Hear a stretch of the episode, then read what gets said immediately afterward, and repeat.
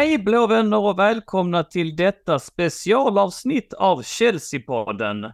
Chelsea-podden alltså som skapas och manövreras av Chelsea Supporter Sweden, din enda officiella Chelsea-supporterförening i Sverige med platinamedlemskap i Chelsea FC. Och detta julavsnitt, det spelas in torsdagen den 21 12, men den släpps till er CSS-medlemmar och svenska Chelsea-supportrar på julafton. Och kanske kan detta avsnitt skänka lite glädje till er denna julafton. Och kanske speciellt till dig som firar jul ensam. Vi gjorde detta förra året och eh, det var uppskattat, framför allt av några stycken som faktiskt firade jul ensamma. De nådde ut till oss och tackade så mycket. Och trots att eh, vi hade lite extra hektiska scheman, både jag och min poddkollega, denna jul så fick vi till att spela in ett eh, liknande avsnitt denna gång och det är vi faktiskt glada för. Om du firar jul ensam där ute i Chelsea-Sverige så kanske detta avsnitt får dig att komma ihåg att du inte är ensam, utan att du är en del av en fin gemenskap som denna Chelsea, svenska Chelsea-familj innebär. Så extra god jul till dig. Och god jul till alla som lyssnar i Chelsea-Sverige. Detta är avsnitt 220 i ordningen och detta avsnitt hostas av mig, Daniel Joanno, eller Donny som jag också kallas. Ditt blåa paket som ligger där och gottar sig under den svenska Chelsea-julgranen. Och rosetten på detta paket heter Patrik Petko. Och ja, Patrik, det är du och jag som ska blicka tillbaka över ett händelserikt år i detta special slash julavsnitt. God jul Patrik! Välkommen till podden och eh, hur är läget med dig? God jul Donny och god jul till er alla som lyssnar. Eh, skönt att, ja men eh, skönt att du tar ton också så att man kan, eh, inte slappna av men ändå vara lite laid back och kanske vara lite friare i sina, eh, sina tankar. Julen är eh, fantastisk. det är kul att kunna slappna av och eh, roa sig med eh, de eh, man har nära och kära och eh, har man inte det så eh, vet jag att det alltid finns någon där ute som eh, tänker på en lite extra. Eh, och om inte det finns, jag lovar att det finns, så eh, finns vi här för er och jag är djupt tacksam att eh, kunna spela in detta avsnitt trots att det är hektisk julvecka med dig Donny. Ja, men så är det. Så är det. Hektiskt i ära, om man säger så. Har du allt rådat nu inför jul? Några dagar kvar? Nej, det har jag inte. Det är torsdag som sagt och imorgon är, imorgon är en stor dag. Ja, ja. Nej, ja. så är det här också. Eh, lite planering, lite logistik, eh, en del klappar. Men hör inte det till lite? Nej, men det gör det. Ja, ja visst, ja. han gör det. Ja. Förra året när vi spelade in detta, Patrik, minns du det? Jag eh, blickade lite tillbaks på det avsnittet och mindes att du outade att du skulle bli pappa. Det har du blivit i år, eller hur? Ja, det stämmer. Ett år, men det måste väl vara årets eh, höjdpunkt för dig, eller hur? Ja, utan tvekan. Nu är vi precis, hon har precis tillfrisknat här från en öroninflammation, så nu har man, nu har man bockat av det som förälder också, att vara eh, ständigt orolig. Mm. Ja, men det är skönt. Ja det är kul också när vi kan bli lite personliga i podden och inte bara liksom uh, uppstiltat prata matcher och uh, stort år. Uh, ja, men för dig med. Du har väl hittat ett nytt jobb också, va? Du har väl... Ja, så är det, så är det. Ja, men berätta. Du... om lite grann. Ja, ja precis. Du har väl eh, klivit upp i karriären och bytt lite bransch, va? ja, det kan man väl säga. Jag mår bra i alla fall och det är huvudsaken. Det är väldigt viktigt. Det är inte alltid man gör det i livet så, ja. men äh, allt som oftast gör man det och nu gör jag det synnerligen, trots att det kan vara lite stressigt. Men det är sånt, det är det gnäll kallas det. Ja. Det hade kunnat vara så mycket värre. Och så tycker jag att det är väldigt kul med julen, måste jag säga. Mina barn är ju i den åldern att de uppskattar julen fortfarande, även om de är, de är rätt mycket större än, än, än, än eh, ja. ditt lilla barn. Men, men eh, det är liksom lite grann så att jag känner att tiden rinner en lite ur händerna. Min Stella har ju hunnit bli 12 i år, så att eh, Ja, man ja, vet det, inte. Det pikar nu då, det är julen pikar. Ja, så är det. Så, är det, ja, så, är det. Ja. så att det är mycket julbak och mycket liksom, eh, vi hänger mycket. Vi tycker det är väldigt kul att umgås eh, hela familjen. Och, och eh, John är med på ett sånt. John och, och Stella är faktiskt borta idag, men John och, och min fru, Johns mamma, är precis här utanför och bakar pepparkakshus just nu. Så att ja, det ja, har varit mycket sånt på tapeten denna december. Har det varit någon glögg än? Oh ja, vi har druckit julöl sedan slutet av november och det gör jag idag också ska jag säga dig. För att äh, nu är vi här och jag tycker vi, vi rundar väl av kallpratet där va. För att idag ska vi äh, blicka tillbaka, vi ska hissa, dissa och vi ska även dela ut lite smällkarameller. Och julölen, den är numera också upphälld. Jag vet inte om detta framkommer att jag häller upp en öl just nu, men mm. Vi är inte sponsrade där så du får inte outa. Vi är inte sponsrade. Men Nej. julebryggd av okänt märke då, om vi säger så. Ja. Hälldes upp eh, i, i glaset. Och hade jag haft ett ljus framför mig så hade jag också tänt det. Arne Weise-style. Eh, med det menar jag att vi är redo för att slänga oss in i detta julavsnitt. Eh, alla som lyssnar, hjärtligt välkomna.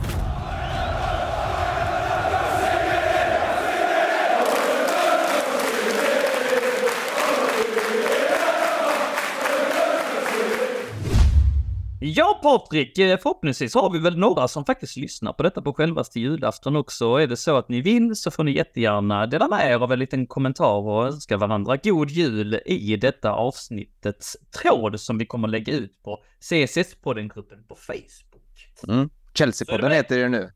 Förlåt, tack Patrik. Du ser, det är gamla ändå har svårt att gå ur mig. Chelsea-podden heter den uh, numera och Ja. inget annat. Ja. Kanske uh, viskar en viss historia om hur länge jag har varit med också. Men så är det. Chelsea-året 2023 Patrik ska vi prata om och det inleddes uh, uselt. det, det är väl eh, inte någon uh, egentlig underdrift att konstatera det. Det inleddes med eh, ett oavgjort resultat eh, mot eh, Nottingham Forest på självaste nyårsdagen. Mm. Ja, nej, det det, var... av två ja. stycken eh, fruktansvärda förluster mot Manchester City, 1-0 i ligan och 4-0 och respass i FA-cupen. Och så eh, följdes det av en förlust mot eh, Fulham i en match där nyförvärvet eh, Joao Felix presenterade sig. Eh, I ett av många märkliga val av Graham Potter så slängdes han in i hetluften direkt. Jag tror han hade varit i klubben i ett dygn. Han fick starta och eh, tidigt i andra halvlek så eh, vid ställningen 1-1 drog han på sig ett rött kort efter en huvudlös eh, tackling och Fulham tryckte sedermera in vinstmålet och Chelsea noterades som sagt för sin tredje förlust på tre matcher och inledde då med eh, fyra matcher utan vinst. Eh, jag hörde att du var helt på gröten Patrik, jag släpper in dig. Nej, men alltså det är ju, nu känns ju det, nu när du återberättar detta känns det ju det som en, eh, ja men en livstid sen med tanke på allt som har hänt både i klubben och i, eh, runt spelarna och för mig privat också då, så det att eh, höra när Joao Felix byts in där, eh, ja, nej, det, det är oerhört märkligt och konstigt och det känns lite som att det är en annan, en annan klubb vi pratar om lite. Vi hade ju det väldigt enkelt att ta någon slags distinktion förra året när vi pratade om Mm. eh, det gångna året. Då fanns det en tydlig brytpunkt med eh, försäljningen utav Chelsea, men det känns som att det har hänt en större, eh, vad ska man säga, skillnad i hur klubben drivs, hur klubben känns och identiteten kring, eh, kring allt från, eh, ja, men från sommaren egentligen och till nu med. Det har skett ett stort skifte, så att prata om det som hände i våras känns ju, jag vet inte om det känns orelevant på något sätt, det är det ju absolut inte, det är fortfarande Chelsea, men det är väldigt konstigt, måste jag säga. Ja, men så är det. Men man kan väl också säga så här att det här var ju ändå liksom ett halvår in på den nya regimen. Man, man hade eh, gjort sig av med Tuchel då eh, som eh, någonstans under hösten 22 då eh, det, det skar sig kan man väl säga. Man fått in Potter som många faktiskt vid tillfället tyckte var en rätt, eh, rätt man för uppdraget. Och han skulle liksom ta Chelsea in i det här nya året. Och man, man var förväntansfull. Nytt år, liksom varvningar här i januarifönstret som vi snart kommer gå in på också. Eh, eh, det skulle på något sätt byggas vidare, men, men så blev det inte. Så kom den här liksom, de här fyra rätt så usla prestationerna. Och inte nog med det så toppades det precis i början av januari av en annan katastrofalt eh, tragisk nyhet. Minns du det? Nej, nej, du får hjälpa mig. Nej, jag tänker på, jag tror det var 6 januari möttes vi eh, Chelsea-vänner av att eh, Chelsea-legenden Gianluca Vialli gått bort Ja, i just en det. ålder av 58. Mm. Ja, det var kaka på kaka. Ja, ja men precis. Det var mycket liksom eh, deppigt där och jag spelade in en podd med Fredrik just om eh, Fredrik Pavlidis, vår, vår eh, Chelsea-vän, CSS-medlemmen och den eh, liksom eh, välrenommerade eh, journalisten Fredrik Pavlidis och han sa bland annat att han var lätt att älska även vid sidan mm. av planen. Och det, det, är ju svårt att inte uh, hålla med i. Kommer du ihåg, du är några år yngre än mig uh, Patrik, men, men har du några minnen sådär av Jalli? Nej men det är mer pappa som har berättat om då när han mm. följde den eh, Petresco, nu kan du säga Petresco-generationen för det var inte han som ja. kanske satte identitet på Nej, Chelsea men just då. Petresco har ju du logiska band till också. Ja. ja precis och det var det som pappa var, så han hade ju, han uppskattade Vialli och tyckte om hans eh, storhet och hans ledarskap så jag minns att vi pratade lite om eh, Gianluca när, när det väl när nyheten väl kom fram till oss.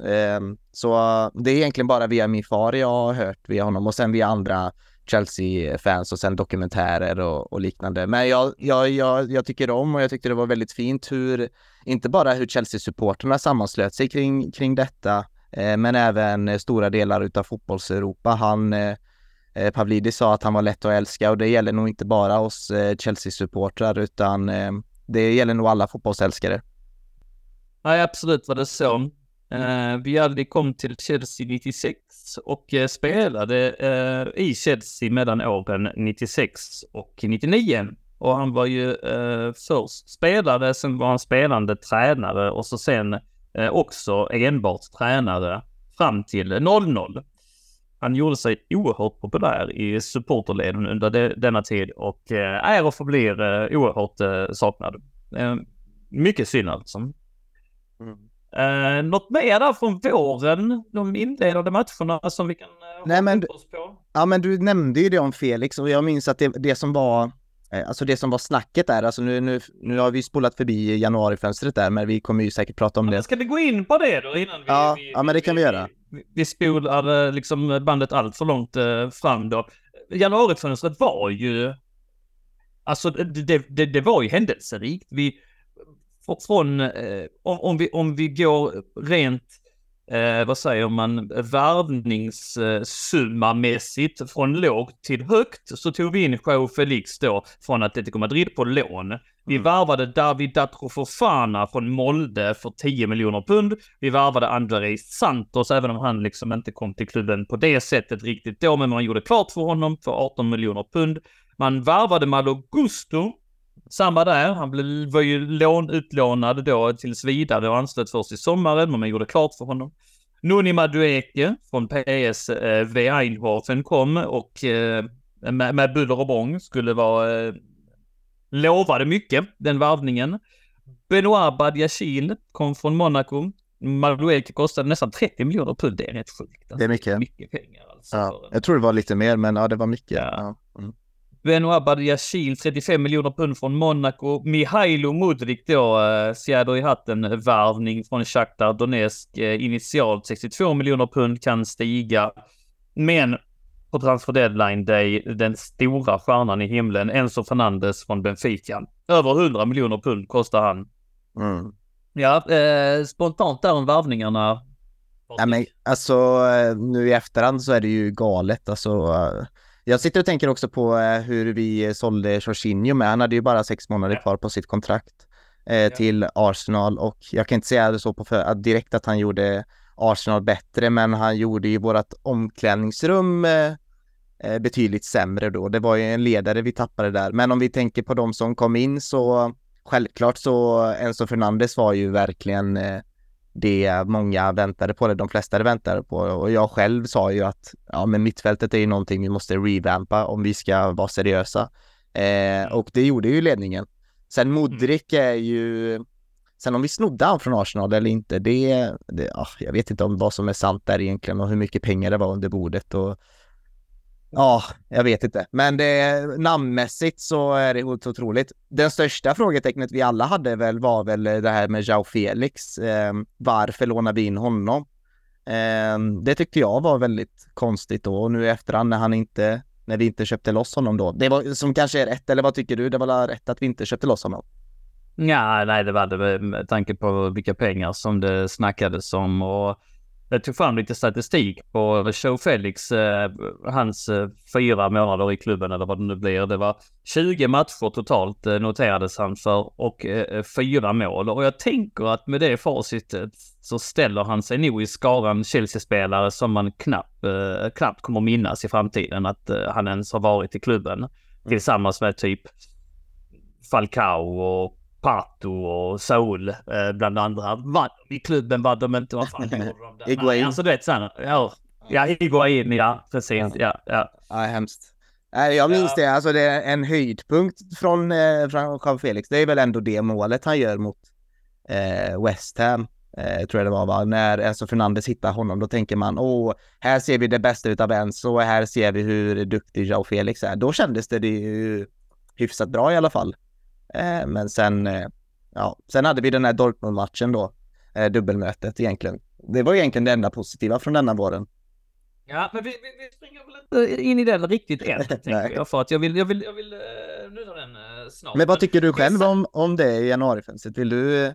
Ja, men januarifönstret i sig, ja, det, det är ju anmärkningsvärt att vi har fått in så många spelare under så kort tid och man, man förbluffas ju lite av vissa värvningar, det måste jag ändå säga. Mihaido Mudrik, hur bra scoutad var han egentligen? Kommer han bli bra? Det är sådana frågetecken som man ställer sig. Enzo Fernandes, hiskliga summor. Hiskliga summor från spelare som har snart varit ett år i klubben. Eh, Madueke har ju floppat, det måste man konstatera. Den enda egentligen som jag tycker har överträffat förväntningarna är inte Malo Custo, men det är baserat på hösten. Benoit Badiachil hade en jättebra vår, men har varit eh, väldigt dålig de här två, tre matcherna han spelat i höst, tycker jag. Efter han kom tillbaka från sin skada? Ja. Efter ja. han kom tillbaka från skada. Ja, i senast här nu mot eh, Newcastle vet jag inte alls vad han Ja, håller på med. herregud. Han, liksom, det, han ser ut att vara på en annan planet. Eh, katastrof. Eh, Men sen så är det ju... Eh, eh, det, det konstigaste av de här värvningarna är ändå David Datro Fofana. Som man plockar från eh, alltså någon, någon farmaliga mer eller mindre. Som man ändå kan liksom jämställa den norska ligan med. I paritet om man ska sätta den bredvid Premier League. Det är extrema skillnader mellan de här två ligan, ligorna. Och här plockar man in David eh, Diatro Fofana. Eh, och, och, eh, han gör ju ingenting i de få minuterna kan man kanske inte kräva av honom. Men då tänker man det väl kanske han kan göra det bra i Union Berlin. Men det gör han ju inte där heller. Nej, alltså nej. vad håller snubben på med liksom? Han har gjort två mål hittills eh, på, på, på sin utlåning och det har gått eh, snart ett halvår. Och så vägrade han ta sin tränare i hand i den här förlustmatchen mot Napoli i, i, i oktober i, i Champions League. Och, och, och då blev han ju satt i frysbänk och blev avstängd och nu får han inte knappt spela. Jag tror han hoppade in senast efter sin avstängning eller någonting men... Det är ju inte skitbra. Nej, och min, jag har ju en vän i Berlin som går på alla unionsmatcher och han var senast igår på en match och Mm. jag har gett han i uppdrag att ge mig lite dator från Fana uppdatering så fort han eh, så fort han ser honom spela och hans uppfattning nu är väl att han, han ser honom som en ganska, inte lat, men, ja, men slarvig spelare som inte liksom gör jobbet och kanske inte den här teamplayern då som eh, just Chelsea kräver just nu utan det är återigen en individualist som kanske har eh, fått för mycket ja, attention, uppmärksamhet för tidigt i sin karriär. Men han ser ändå att det finns en, eh, det finns bra teknik där och det finns, det finns en bra fotbollsspelare där uppe. Det är bara att det måste verkligen moldas, moldas, moldas. Behövs en bra tränare för att göra Datro Fofana bra. Det är ingenting han kommer ta tag i själv, eh, enligt eh, min vän då. Ja, och som sagt, eh, man åker inte iväg på utlåning och gör sig eh, eh, omöjlig hos eh, sin eh, tränare. Det är som... Har du någon favorit från januari-fönstret? Är det, är det Badiachil eller är det Gusto? Är det, no, är, står det mellan någon Ja, som... men jag tror nog Gusto har eh, som sagt eh, har nog eh, imponerat mest på mig faktiskt. Jag hade väldigt låga förväntningar på honom också. Jag tycker han har varit bra här på hösten. Så att eh, där eh, tror jag nog det finns eh, att det kan bli bra eh, på. Sen det här- är en absolut nödvändig värvning också med tanke på Reece James skadehistorik. Sen det, ja verkligen. Och sen det här med, du sa det här med norska ligan. Det var ju faktiskt från norska ligan vi hittade din favorit Obi Mikkel också. Ja, precis. Så- Ja. Inte, inte så dåligt. Ja. Mm. ja. Låt mig säga så här, när vi gick in i januari eh, 2023 så eh, gjorde vi det med 15 eh, spel. Vi haltade lite tabellen. Vi hade 15 spelade matcher och eh, skapat ihop, eh, vad fasen var det, 22 poäng tror jag. Um, och nu har vi alltså 22 poäng på 17 omgångar. Så att vi, vi är faktiskt i ett sämre läge nu än vad vi var förra året.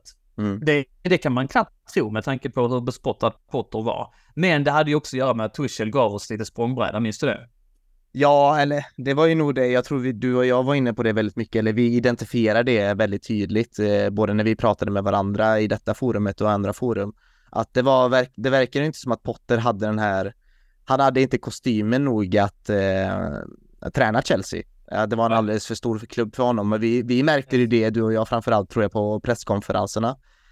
Um, så känslan är ju bättre nu och det, det kanske finns en mer tydlig väg för klubben att gå här. Men eh, det kändes ju väldigt som att eh, ägarna inte riktigt visste vad de höll på med då och eh, ja, mycket tyder väl på att de fortfarande inte vet det exakt, men. Alltså, man, det finns ju fortfarande en, en vision nu som kanske är lite tydligare. Det blir ju ännu mer tydligt när man sköt sig i foten och sparkar Potter tycker jag. Då blir det ju ännu värre. Ja, men så är det ju. Men nej, inga, och inga goda mina sparkad så småningom och eh, det var väl inte fel, va? Kan man argumentera för det? Att nej. det på något sätt var fel när Potter fick sparken? Nej, det var, nej. Jag tror inte ett enda Chelsea-fan eh, tycker att det var fel. Kanske någon där ute, du vet. Finns alltid något undantag som bekräftar regeln där, men eh, jag vet inte. De flesta tror jag ändå var liksom eh, hyfsat eh, överens om att eh, det inte var något tokigt beslut direkt, att man hade Sen, nog ändå hållit ja. ett, ett tag. Ja. Men sen fick han en ganska dålig hand med, liksom, alltså väldigt fel man på fel tillfälle, på fel plats på fel tillfälle känns det som. Så det var ju, det var inte så att stjärnorna var alinjerade för Graham Potter. Eh, hade de varit i en mer perfekt värld så kanske hade det sett bättre ut. Men eh, nej, det var, det blev för stor eh, jämförelse med Tuchel och ja. Eh, alldeles för stor eh, trupp att jobba med. Och eh, ja, väldigt många dåliga förutsättningar som han och hans stab inte kunde hantera tyvärr. Och då blir det ju lätt att man pekar ut honom som en syndabock. Nej men så är det ju och sen samtidigt så Lampard kunde sedermera inte göra det bättre. Vi ser att eh, Pochettino har inte heller egentligen kunnat göra det bättre, alltså än så länge va. Men det, det är ändå, jag håller med där med kostymen, det kändes fel liksom och det blev inte bättre. Det blev liksom dåligt på presskonferenser, det blev eh, ursäkter som man inte köpte. Det var liksom allting från att eh, hans karisma, hans utstrålning. Det, mm. det liksom skar sig för mycket. Hade vi tidigare haft en tränare som sa att han fan hyr en minibuss och kör ner för att vinna i, i Champions League och, och, så sen så hade vi liksom Potter som ville vara kompis med alla och, och eh, eh stod där med sina sluttande axlar och bara pratade liksom om, om eh, human beings och eh, vikten av att vara snäll mot varandra typ och det, ah, det, blev, det, blev, det blev konstigt. Det blev en det blev eh, 31 matcher blev det för Potter. Han noterades för blygsamma 12 vinster på de här matcherna och en vinratio på 38,7 procent. Och på de sista 19 matcherna vann han bara fyra matcher. Ja. Och han fick alltså sparken den 2 april efter ett snöpligt underlag mot Aston Villa. Mm. Och just den här Aston Villa-matchen, den eh, kollade jag lite grann på statistiken för att se så. Var det så jävligt alltså? Men då hade man, då hade man ju fått eh, nog redan alltså. Man hade eh, radat upp en, eh, ett gäng eh, trötta matcher tidigare där man hade liksom förlorat mot Southampton, man hade kryssat mot Fulham, man hade förlorat mot Fulham, förlåt, med 2-1 där, eh, Felix, man hade eh, fått superdäng av Manchester City eh, hela året, mer eller mindre. Ja. Sen så kom man ju faktiskt från en vinst mot Leicester och ett kryss mot Everton, men så blev förlusten där mot Aston Villa. Men någonstans, jag vet inte om du... Den matchen, bara innan, innan jag släpper ja. in dig, det är ändå rätt sjukt att just den matchen så har vi faktiskt 27-5 ja. i skott. Ja. Ja. 8-2 i skott på mål. 70-30 i bollinnehav. 600 passningar mot 285 passningar. 90 i passningsprocent mot 75 i passningsprocent. Och så vidare och så vidare. Men förlorar med 2-0. Två skott på mål hade som Villa. Två mål. Alltså, ja. Ja, nej men alltså. Ja, nej, men Marginalerna var inte rätt heller, så är det. Nej, Stjärnorna stod inte rätt heller. Så är det. Nej, det, det var verkligen menat någonstans att det, att det inte här skulle få något fint, eh, fint avslut eller en fin fortsättning på Potters eh, karriär. Men det här har varit genomgående och det här har slått mig lite nu efter jag kollat Chelsea i de senaste matcherna, framförallt då efter landslagsuppehållet, att fan stundtals så såg, det kändes som att det såg bättre ut i våras rent alltså att skapa chanser och visst det var ju det här klassiska att vi kom ut på högerkanten och det blev handbollsförsvar och vi klagade väl på att inte vi hade någon nia där som kunde göra mål men mer än så klagade vi väl inte väl förutom att truppen var för stor och att vi inte hade någon som riktigt kunde göra målen. Jag känner att det vi sitter och eh, försöker klämma på nu är ju det, fler aspekter, det är fler lager utav grejer som vi ser eh, behöver lösa, men eh, jag vet inte, stundtals såg ju spelet bra ut och vi vann ju ma matcherna på XG rätt ofta, men eh, ja, det är ju det här, Mm. alltså 0-2 mot Villa när de har två skott på mål eh, och vi Mm. har åtta. Det, det, säger, det säger ju egentligen allt att det var inte, det var inte menat för Potter. Nej, nej, men så är det ju. Det... Nu är det ju såklart inte bara det som gjorde det, va? men eh, det på något sätt summerade hela hans ja, vistelse. i Och, och det var, ju- det var, jag tror det var också var Villas första vinst med på över tio, eh, tio år Ja, ja, visst. på Stamford Bridge, ja, ja, något sånt där. Ja. Kan säkert stämma. Ja, det var ju mycket sådana rekord då i våras som slogs, negativa rekord. Ja, men så är det ju. Så är det ju. Matchen efter, vem eh, coachade laget då? Minns du det? Eh, ja, Bruno Saltor eller? Ja. Ja, mot Liverpool, den eh, grymma 0-0 matchen vi gjorde. Var, var det den? Ja, ja. ja, ja. Stämmer. Yes. Ja. Ja, det, var, det, är, är, det inte, är, det, är det årets tränare den säsongen? eller det Ja, måste ju vara, förmodligen. eller måste ju vara Ja. Tuchel ändå. Jag kollar på eh, laguppställningen vi ställde upp med i Bruno Salters eh, första och enda match eh, som huvudtränare. Då har vi alltså Kepa i mål. Det var på den här tiden Fofana spelade, minns ni honom? Alltså Wesley Fofana. Han, han, han är kvar i Chelsea någonstans. Men ja. Han gjorde, har gjort några framträdanden sedan han kom för eh, rekordsumma. Men han spelade i eh, en eh, trebackslinje tillsammans med Koulibaly och Kukureya. Och så hade vi Reece James och Ben Chilwell på flankerna och så hade vi Kanté, Fernandes och Kovacic. Och så Kai Havertz och Joao Felix. Alltså halva laget är utbytta. Ja, men det, Men det, na, Alltså, det helt låter det ju bra det här. Alltså det, Ja. är, det är ju sjukt. ja, ja, visst, visst. Ja. Yes. 0-0 blev det i den matchen och efter lite spekulationer fram och tillbaka så eh, stod ju Lampard eh, klar som tränare. Men eh, fan, vi måste säga något positivt om Potters sejour också. Jag backar bandet lite grann. Eh, och det är ju det här som du nuddade vid tidigare, Patrik. Eh, är det någonting som man vill, även om det är krystat, men vi krystar fram en, en positivt, härligt minne av Potter. Vad skulle det vara? Oj. Vi säger väl vinsten då mot Dortmund i Champions League, eller? Ja, ja, ja. Ja, men det- ändå liksom, att ligga under med Ja, men- 1-0 Ja. efter eh, första eh, matchen Mm. och eh, eh, sen då faktiskt vända på hemmaplan. ja, det är säsongens ju- match. Det är säsongens match. Man kan säga att det är vårens match, är det ju. Ja, alltså inte i mördande konkurrens. Mm, nej. det var inte många fler liksom ljusglimtar den här äh, våren, eh, så, så att säga. Men, men, men 1-0, en usel prestation på bortaplan. Eh, men eh, som blev då 2-0 efter att vi faktiskt pulveriserade Dortmund hemma. Vi hade så mycket chanser. Innan jag slängde mig på det här avsnittet så såg jag highlights från den matchen. Jäklar vad vi knackade och knackade och knackade och det räddades på mållinjen och det eh, var hur många chanser som helst och till slut så trycker Raheem Sterling in den efter att det återigen blockerades och så fick han tillbaka den och så trycker han upp den i nättaket. Minns du det? Ja, ja nej, det är härligt. Och sen ser jag här på i laguppställningen, jag ser Dennis Zakaria byttes in. Han har jag ju glömt av. Ja, just det. Ja, just det. i han har också varit i Chelsea, ja. Ja, nej men det var ju den första matchen när Adeyemi hade väl, eh, vad hade han, en sprintduell mot, eh, vem var det han hade det mot? Var det, det var inte Reese va? Var det Thiago Silva han hade den sprintduellen? Just det. Ja, ja, ja, ja. Mm. Ja, det var väl där 1-0 matchen där. Gjordes så jäkla bra, ja. Mm. Ja. Ja, men sen var ju han skadad minns jag i det eh, andra mötet då. Så, Just det. Ja, det var ju Stämmer. lite, Men det var ju någonstans där vi kände att ja, men förmodligen är det väl bara Champions League som kan rädda Potters jobb här.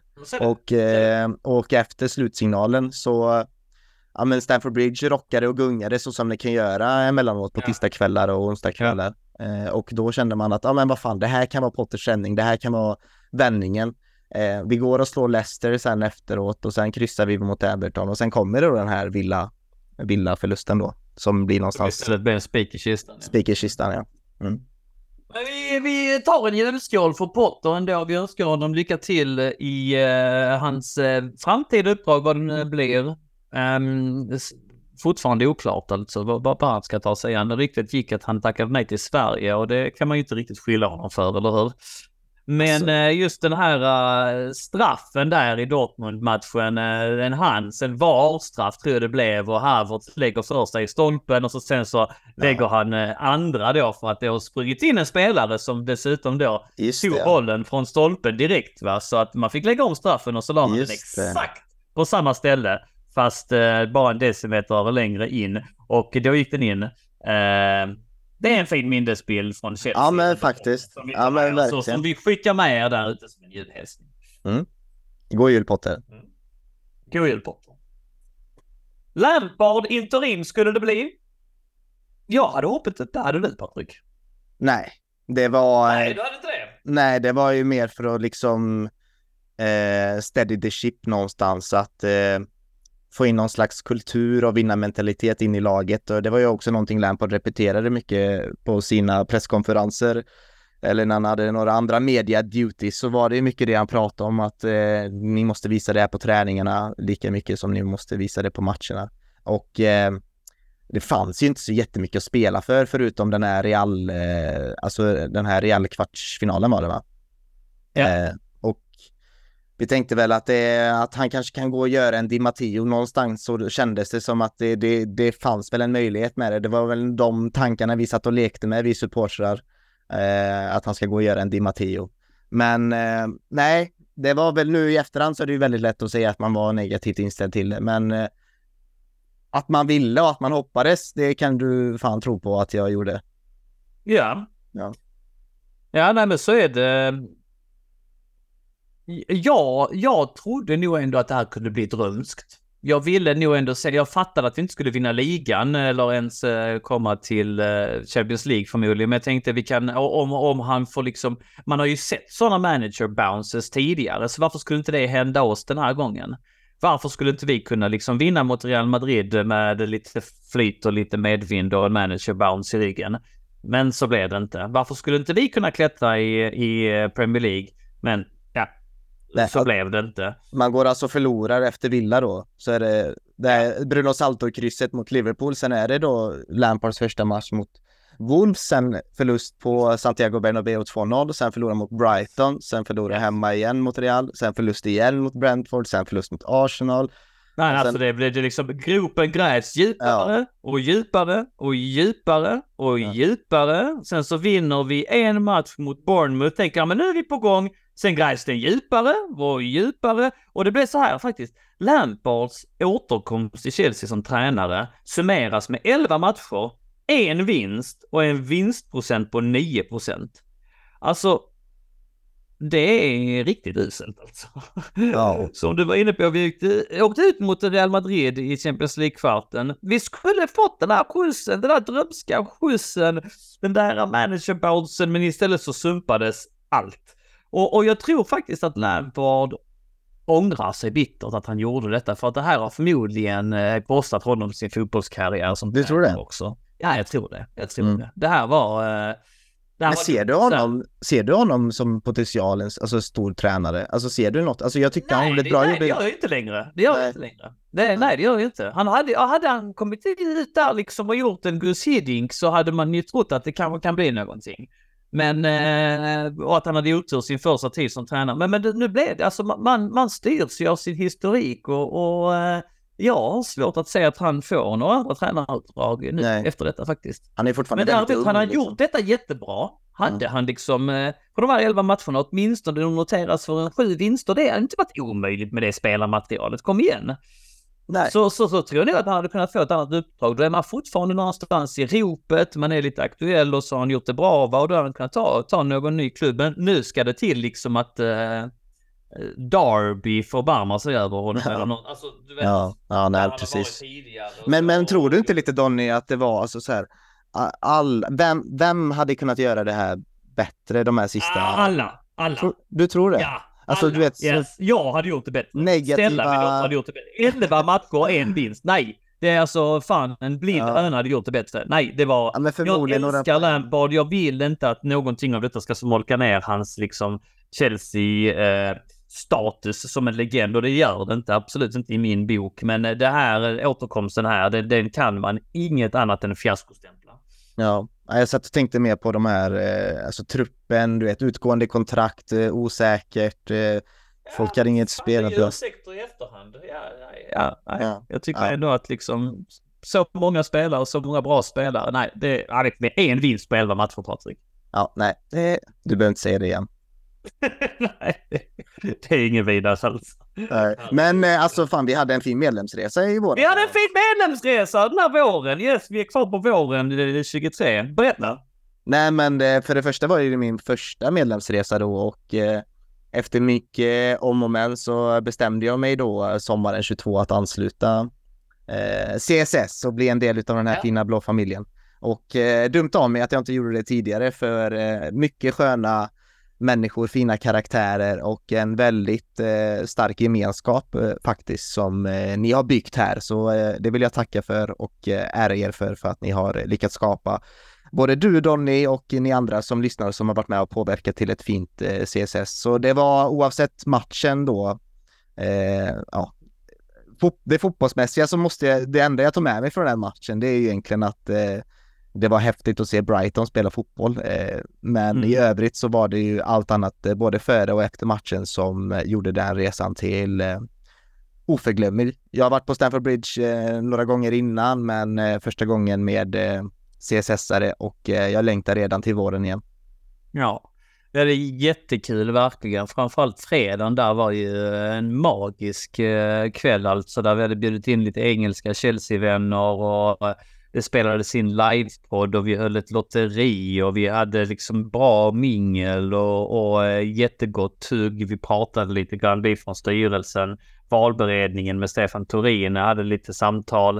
Eh, vi eh, eh, framför allt fick en jättehärlig, ärlig, uppriktig eh, frågestund med Chelsea-legenden och legendaren säger man, Kerry Dixon, som dessutom eh, blir lite extra pratig när han har fått in sig en, två, tre, fyra öl. Va? Det är ju allmänt känt så att eh, han delar ju med sig av eh, härliga anekdoter, högt, lågt, vitt och brett och, och eh, som sagt några engelska Chelsea-vänner där också, David Chichi, Jonathan Kidd bland Mm. andra. Jätte, eh, Mark Meehan. Helt, helt eh, fantastisk eh, kväll och jag hade med både Stella och John och, och eh, eh, ja, som de brukar liksom springer mellan borden och eh, dricker sin cola och eh, Chelsea CSS-medlemmar i olika åldrar och från olika samhällsklasser och olika kön och allt vad det är liksom eh, träffas och, och skrålar och har det jättegött. Så att Ja. den eh, fredagen var ju superlyckad liksom. Det var det Eh, verkligen. Vill ni höra någon slags återblick från kvällen så kan jag rekommendera att ni lyssnar på det avsnittet då, inledningen utav det avsnittet som heter då medlemsresa. Nu vet jag inte exakt numret på den, men den, den kom ut där någon gång i aprilsnåret i, i våras. Så lyssna på det så får ni höra lite röster både från eh, tillresta fans och eh, fans på plats. Eh, skitkul! kan vi även passa på att skicka med en eh, blinkare om att eh, vi har medlemsregistreringen öppen några dagar till. Så har du inte blivit medlem i CSS så bli det och häng med på medlemsresan i vår, vet jag. Eh, alla får eh, joina. Eh, jätteenkelt, kostar inte så mycket och eh, fullständigt värt det. Så är det. Matchen, nej, skit tyvärr. Tradigt när man har med sig kidsen och sånt. Jag har haft med dem vid några gånger tillfällen, vid några tillfällen tidigare och eh, då har vi ändå haft turen att vi har sett lite vinster också så att det är ju bra. Men den här gången blev det förlust. Vi blev fullständigt utspelade av Brighton i eh, en match här i april. 2-1 blev det efter att Brighton, ska lyssna på den här statistiken du. 8-26 i skott, 2 2-10 i skott på mål. Eh, 40-60 i bollinnehav. Brighton var så mycket bättre än oss i den här matchen och hade det inte varit för en storspelande Kepa i mål så hade det ju faktiskt kunnat sluta Ja. väldigt mycket värre. Det är stora ord från dig ändå. Ja men det är det, det är det. Det är nog den enda bra matchen han gjort för oss, men därför är det att det var eh, just den matchen gjorde han bra. Ja. Nej, jag var helt eh, förbländad faktiskt utav eh, Brightons spel och Ja. Mitoma och Enciso framförallt hans eh, 2-1 mål var ju en riktigt en fin eh, fin raket där men eh, ja shit Mm. alltså det var det var svårt att inte vara förbannad efteråt men eh, så är det. Det var ju det var ju lite upcoming ändå. Man kände det lite på sig men att det skulle bli Ja. så utspelat på Stamford Bridge. Det var inget. Nej. Du, vi blickar till något roligare. Innan vi summerar våren så kan vi väl konstatera att Chelsea Women vann sin eh, fjärde ligatitel i rad. Man vann FA-cupen och man eh, åkte ut i semifinal i Champions League där Barcelona blev för stora. Men eh, Chelsea Women hade en bra säsong i alla fall. Ja, ja, jag- jag höll på att säga som vanligt, men det är ju fjärde i rad då och eh, ja, nu har jag tack vare Viktor Lidvall då som gör ett jättefint jobb i eh, både i redaktionen och i styrelsen och här i podden har ju fått mig att bli mer intresserad utav Chelsea Women och engagera mig lite mer. Och jag var faktiskt på matchen här igår i, igår kväll på Hisingen när vi eh, spöade Häcken eh, och eh, blev gruppetta då. Så förhoppningsvis så håller vi den eh, första platsen då när eh, vi summerar gruppspelet. Men ja, fin vår och ja, det är sen lite ambivalent då med Magda Eriksson. Man märker av att hon saknas nu i säsongsinledning. Eh, så, men äh, riktigt imponerad utav Hayes arbete och eh, jag har faktiskt blivit lite av ett Hayes-fan. Kanske borde blivit det tidigare, men jag har blivit det nu det här året. Eh, vilken jäkla ledare alltså. Som tyvärr inte kommer vara kvar så mycket längre. Precis, och eh, ja, så man ska passa på att åka och kolla på Chelsea Women tycker jag och hylla Hayes eh, om man kan det. Eh, men du, nu nuddade vi den. Jag hade tänkt att spara den till hösten, men kan du inte berätta lite grann? För vi hade faktiskt en CSS-träff ju i samband med detta som jag då inte kunde närvara på, tyvärr, på grund av jobb och annat och jag bor inte så nära Göteborg. Men du var där. Jag var där, ja, jag fick träffa eh, några CSS-are. Vi var på John Scotts där tidigare och det var ju först, eh, jag la upp en bild i våran grupp där tänkte jag, men nu kommer väl folket och så tog det en timme, det tog en och en halv timme, det tog två timmar, tänkte jag, vart är alla? Eh, sen när jag letade efter eh, herrarnas så insåg jag att shit, John Scotts är ju större än vad jag trodde. Eh, då, så, eh, CSS-arna var i en annan avdelning utav John Scotts då helt enkelt som inte jag hade sett och eh, ja, till slut fick jag träffa Torin och eh, gänget och det var ju ett varmt återseende då som jag hade träffat dem första gången och senaste gången i eh, april i, på The Pensioner i London. Eh, väldigt kul att träffa alla och det var väldigt bra stämning där på bortaklacken måste jag säga. Det var... Mm. Mm. Ja, häcken hade också Lite ganska bra engelska vänner med också va? Ja, det var ju de jag satt och pratade med mest egentligen i Ja. början, för jag trodde att, ja men det, vart är CSS-arna? De har väl gått och gömt sig, gått till någon annan. De nådde ju ut till oss, eh, Chelsea Women's eh, Support Ja. Club och eh, frågade ifall de också kunde joina på John Scotts. Det var jättekul att... eh, Oerhört engagerade. Det var, en, det var en tjej också som hade åkt ända från Belgien för att kolla på den här matchen också. ah, så. Man märker att det engagerar eh, supportrar i, i hela Europa. Det är väldigt kul att se. Och eh, bra sammanslutning från de engelska fansen måste jag säga. Härligt. Bra, bra match också. 3-1 blev det. Ja, verkligen. Fin andra halvlek. Vi fortsätter att följa Chelsea Women's framfart också. Även om vi ska inte göra någon hemlighet av att, av att vi fokuserar på, på herrarna såklart. eh, eh, I, i eh, både podd och, och i på hemsida och så vidare. Men eh, vi är eh, stora supportrar av alla Chelsea-lag givetvis. Så är det. Så är det. I inledningen av sommaren så presenteras Pochettino. Jag får speeda upp detta lite, Patrik. Vi får inte bli alltför långrandiga. Hyfsad meriterad ändå. Han gjorde det bra i Espanyol, Southampton, Tottenham och PSG. Han har spelat Champions League-final och, och, och, eller tränat Champions League-finalen och vunnit ligan och kuppen i Frankrike. Men ändå ville många få detta till en något omeriterad tränare. Men jag tycker inte det stämmer. Eller vad, vad, när han väl presenterade så tyckte jag att det kändes rätt bra av de alternativen som diskuterades. Håller inte du med om det? Eh, jo, det måste jag nog erkänna. Det var väl kanske lite mer hype på, eh, på Nagelsmann. Jag tyckte att han var, han var liksom det Mm. nya svarta någonstans och han Ja. gjorde det väldigt bra med Bayern München tycker jag. Och sen var det ju väldigt konstigt slut han fick där med Bayern München och sen när de tog in Tuchel då tänkte man att ja men då är det ju, då är det ju röda mattan till London från München. Men eh, det visar väl sig då att det inte Jag vet inte om det var några efter möten, att det inte klaffade riktigt bra med Nagelsmann.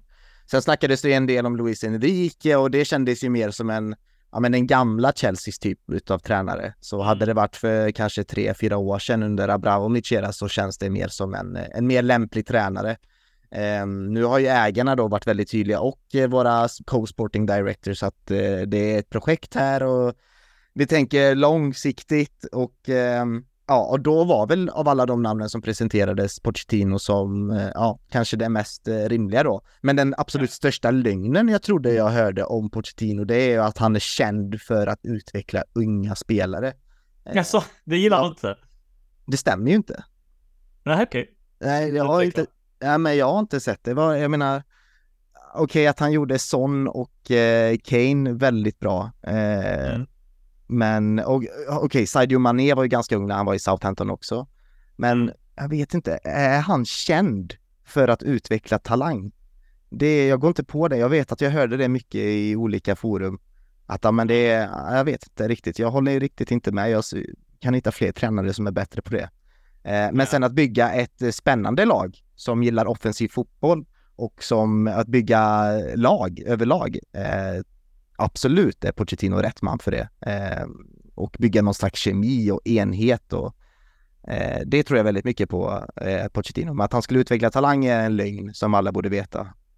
Jag var tvungen att googla det lite snabbt här medan vi pratade. Jag bara googlade Pochettino Young Players och det första som kommer upp är en Guardian-artikel från 2015. Märk väl att 2015 det är snart ett decennium sedan. Herregud vad tiden går. Men Ja. vet du vad den här rubriken är på den här Guardian-artikeln? Maurizio Pochettino, Maurizio Pochettino turns Tottenham into fountain of youth. Ja men eh, va? Alltså på riktigt. Nej. Jag måste ju läsa den här artikeln. ja, det är rätt roligt. Ja. Ja, nej men jag, jag, jag hör dig. Det är kanske en, en etablerad eh, lögn då. Som, Ja. som spridit sig och fått vingar. Ja. Olika åsikter om det. Ja men okej, Dele Ali var väl, eh, ja där, han glömde jag väl. Han gjorde Ja. rätt bra. Ja. Ja. Så är rätt roligt att ingen av dem som nämns i den, Ryan Mason och sånt och, och alltså Daddy Rose, de har inte fått några sådana. Det är Harry Kane, det är Harry Kane. Harry Kane ja. är det ju. Är ja, och han är ju ett unikum liksom. Ja. Han är en av världens bästa anfallare liksom. Så. Ja, men det är kanske den bästa också. Ja. Eh, man pratade om en squad overhaul, kommer du ihåg det?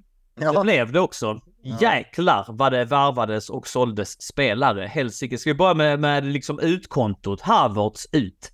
Man fick alltså 65 miljoner pund för Havertz. Den är rätt sjuk alltså. Det här är alltså statistik från goal.com. De brukar ha koll. Mason Mount 55 miljoner pund enligt goal. Jag har för att det var lite knappt fem- 50 men ja, ja. Matteo Kovacic fick man 25 miljoner pund för. Kalidou Koulibaly 20 miljoner pund. Christian Pulisic 17 miljoner pund. Eduard Mendy 16 miljoner pund. Ruben Loftus-Cheek 14 miljoner pund. Ethan Ampadu 7 miljoner pund.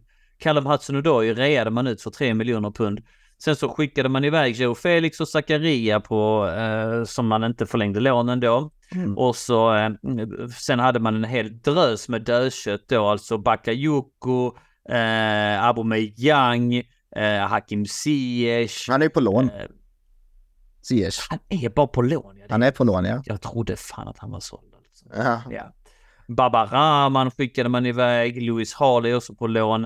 Eh, Lukaku är väl, är det också lån här eller? Jajamän. Här står det undisclosed fee så det kan, ja. Det Jag tänker, vad fan, ska man inte göra någon bara bytesaffär med Roma så tar vi hem Abraham igen? Nej, jag tror inte det är så mycket bättre än Patrik, helt ärligt. Ja, ja, jag vet inte fan. Nej. Men eh, bland alla dessa så sved det väl lite grann med N'Golo Kanté. Tack för, eh, thank you for your service Mr eh, N'Golo. Men framförallt skulle jag vilja haka upp mig lite grann på eh, Kaptenen. en viss, eh, vad sa du? Kaptenen?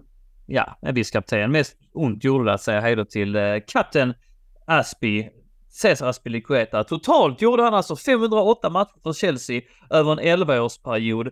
Och jag tycker fa- faktiskt han var en fantastisk kapten under sina avslutande år också. Och just de här 508 matcherna, folk glömmer att det, det innebär att han är sexa på listan över Ja. de med flest matcher i Chelsea-tröjan. Och lyssna, alltså lyssna på detta facit som man har eh, i sina honors alltså. för Chelsea, han har vunnit ligan två gånger. 14 och 15 och 16 och 17. Han har vunnit FA-cupen 17 och 18. Han har kommit tvåa i den tre gånger till. Han har vunnit ligacupen en gång, kommit tvåa två gånger till. Han har vunnit Champions League. Han har vunnit Europa League två gånger. 2013 och 2019. Och han har vunnit Uefa Supercupen 21. Han har vunnit Fifa Club World Cup 21. Och han har kommit tvåa i den 12 också. Aspi har faktiskt vunnit allt man kan vinna i ett klubblag. Han har vunnit allt i Chelsea och han är faktiskt den enda Chelsea-spelare som verkligen kan, kan eh, titulera sig som det. Att Ja. Vinnare av fucking everything alltså. Ja. Och om jag skulle säga så här att inte kalla Aspilicueta för en legend, det är fel. Vem gör det? Vem gör Nej, det? det? Om man nu skulle få för sig att inte göra det, då är man fel ute. Jag tycker att alltså, den här mannen är värd varenda jävla respekt och honom borde det pratas om kring lägereldar under lång, lång tid framöver. Och förhoppningsvis får han, om han inte redan har det, men min bedömning är att han inte har det, men förhoppningsvis uppnår han den statusen med tid. Förhoppningsvis liksom den statusen som man brukar få liksom. Om, det, det är så vi romantiserar om spelare som var i Chelsea för 10-15 år sedan. Mm. Förhoppningsvis kan vi liksom också se det. Va? Åh, tänk när vi hade Aspi som kapten. Han var, han lyfte fram med allt. Jag hoppas vi kan prata i de ordalagen om honom. Och hans avskedsvideo, något av det mest hjärtskärande jag grät när jag såg Ja, den. ja, Sen var var jag tvungen att kalla på Stella och John och spela upp det för dem också. Jag tyckte det var så jäkla fint alltså. Det var... Ja, nej, Aspi, eh, en julskål för honom också, eller vad säger du Patrik? Ja, verkligen. Och så hans största egenskap, liksom att han är så, han var så ständigt varaktig, liksom så konsekvent i allt han gjorde och man, man visste ju alltid vad man skulle få utav Aspelkueta när han var på plan. Eh, och det var La Mourinho själv som sa att eh, jag hade vunnit Champions League med 11 Aspelkuetas. Ja. Eh, det säger en hel del om, om värdet man såg i honom och eh, alla tränare såg ju det i honom. Och eh, gud vad en sån eh, spelare saknas idag i truppen. Så jag hoppas att eh, du har rätt, att det kommer pratas om honom i, eh, på ett annat sätt nu åren framöver, för eh, gräset är inte alltid grönare liksom. Fantastisk spelare, fantastisk man. Önskar honom all lycka till framöver också. Fortfarande aktiv i Atletico Madrid och hyfsad nyckelspelare där. Så vitt jag vet i alla fall. Mm. På inkontot såg vi också en hel rad spelare. Vi såg, eh, ja vi tar dem väl från eh, dyrast till billigast och Moises Caicedo för över 100 miljoner pu- pund. Ja. Ytterligare en inomhittfältare. Romeo Lavia, 60 miljoner pund nästan. En Kunko, drygt 50 miljoner pund. Carl Palmer, för 40 miljoner pund. Axel Disasi, 38 miljoner pund. Nicholas Jackson, 32 miljoner pund. Leslie Ogoshuko, 23 miljoner pund. Angelo Gabriel, 13 miljoner pund. Robert Sanchez, 20 miljoner pund. Ja, sen hade vi några eh, truppspelare också, några halvutlånade. Angelo, David Washington, Georgi Petrovic som eh, seglat upp som första målvakt i detta nu i alla fall med Mm. fantastisk eh, straffräddning här Super. senast mot Newcastle också. Vilken räddning det är alltså. Ja, mycket fint. Diego Moreira, vi fick tillbaks eh, Levi Colwill från lån, eh, också rätt in i startelvan. Malo Gusto anslöt då på riktigt som sagt. Ehm, ja, det är de. Väldigt många spelare på utkontot, väldigt många spelare på inkontot. Och, Vad tycker eh, du bara personligen om hela den rockaden, alltså det man har gjort? Vad, vad, vad, vad är magkänslan liksom? nej, När man drar alltså, ut gras, Faktiskt gräsrötterna? nu kan man inte säga att det är en lyckad strategi. Det Nej. kan man inte. Men, men, men eh, jag hoppas med tiden att vi kan liksom ompröva det och omvärdera det och att, jag, eh, att vi liksom eh, inser att det var en lyckad strategi. Men det har ju inte burit frukt än. Det måste man vara nykter nog som Chelsea-supporter att kunna konstatera. För att eh, då hade vi inte legat liksom i mittenskiktet i ligan om det hade gjort det. Så att eh, ja, där och då så kände jag en viss optimism och tänkte att det här kan nog bli bra, ny tränare, nytt lag och så vidare. Eh, och man har sett liksom spelare värvas in i tidig ålder. Jag har dragit in någon podd tidigare också. Att Eden Hazard, vad var han, 2021 när han kom till Chelsea, levererade direkt. Eh, Peter Cech var 19 tror jag när han kom till Chelsea, levererade direkt och så vidare. Eh, Det finns många andra sådana exempel. Men att när man liksom varvar så här med Ailo Mudri, Caicedo, eh, Enzo Fernandes, men börjar vi Mm. prata liksom om eh, inskolningsfas och att det ska, man, det kan ta tid. Och, alltså det är ingen lag att det måste ta tid heller. Jag menar, jag tror inte att tanken var att värva de här spelarna för att de skulle ha någon långsam integrering, utan jag tror att man vill att de skulle liksom leverera direkt och kunna bli ännu bättre liksom. Och eh, jag säger inte att man skulle ligga etta, jag säger inte heller att man skulle ligga tvåa, men att vara där liksom runt en fyra, femma och sniffa på Champions League-platserna, det tror jag var liksom ett, eh, ett mål och ett rimligt eh, mål också. Men att ligga tia efter 17 spelade omgångar med sju förluster och bara sex vinster, det är inte tillräckligt bra. Så är det. Kort, eh, ja, verkligen. Kort och koncist. Mm, mm. Mm. Men eh, säsongen skulle ta ny fart och innan vi liksom summerar kanske våra tankegångar kring den så kan vi väl gå igenom lite grann vad som har hänt för att vi trodde väl, alltså Men du, Donny. jag trodde Patrik att vi skulle vinna hela skiten. Vad, vad, vad trodde du helt ärligt innan vi gick in i säsongen? Ja, jag måste bara säga det om Nkunku innan jag svarar på den frågan att just eh, den här Nkunku-värvningen, det blev ju klart nu i somras, alltså ju självaste dealen hände då. Eh, Mm. Men, eh, eller förlåt, dealen hände ju för ett år sedan. Vi har ju vetat om det i ett Ja. år att Nkunku ska bli Chelsea-spelare. Ja, men det Egentligen. var ju inte bekräftad. Nej men det var väl då i januari att han, han kommer till sommaren. Någon gång. Ja, inte uttalat, men, han, ja, men alltså, ja, det Ja, ryktades vet. som att det var klart, ja. ja. Ja men precis och så liksom fick vi se han för första gången i, i en skarp match nu i tisdags. Eh, ja gud alltså att det, det har tagit sån tid. Jag tror att eh, mycket vilade lite på hans fötter för att det här skulle klicka. Eh, det var så intressant. Nu ska vi inte snacka ner Newcastle-matchen så, så mycket här men när han väl kom in där så gick ju Chelsea tillbaka till en till en trebackslinje såg det ut som och då spelade vi lite mer så som vi gjorde under försäsongen. Ja. Eh, sjukt konstigt att eh, Pochettino väljer att eh, förlita sig så mycket på en spelare och han är ju faktiskt tillsammans med Disasi de äldsta av alla dem som eh, Ja. köptes in i somras. Eh, om man inte tänker, om man, och Sanchez också, alla de, är, alla de tre är 25. Mm. Eh, inför säsongen så sa jag det, jag tror jag repeterade det, jag tror många kommer ju säkert som lyssnar slaviskt på den här podden kommer ju bara känna att men Patrik pratar, säger bara samma saker hela tiden. Eh, det blir ju så lätt när man pratar om en klubb i en och en halv timme varje måndag. Men eh, i teorin så såg det ju perfekt ut Donny. Det såg ju Ja. skitbra ut. Talang, eh, Pochettino, eh, nya ägare, eh, framtidstro. Eh, vi hade kanske de två bästa mittfältarna, eller kanske de två hetaste mittfältarna på, på marknaden. Eh, Exkluderat Jude Bellingham då. Eh, Så vi hade egentligen allting på plats. Eh, Det enda frågetecknet var ju kanske där framme. Colwill kom tillbaka. Ja, James skulle äntligen spela en hel säsong, Ja, trodde vi.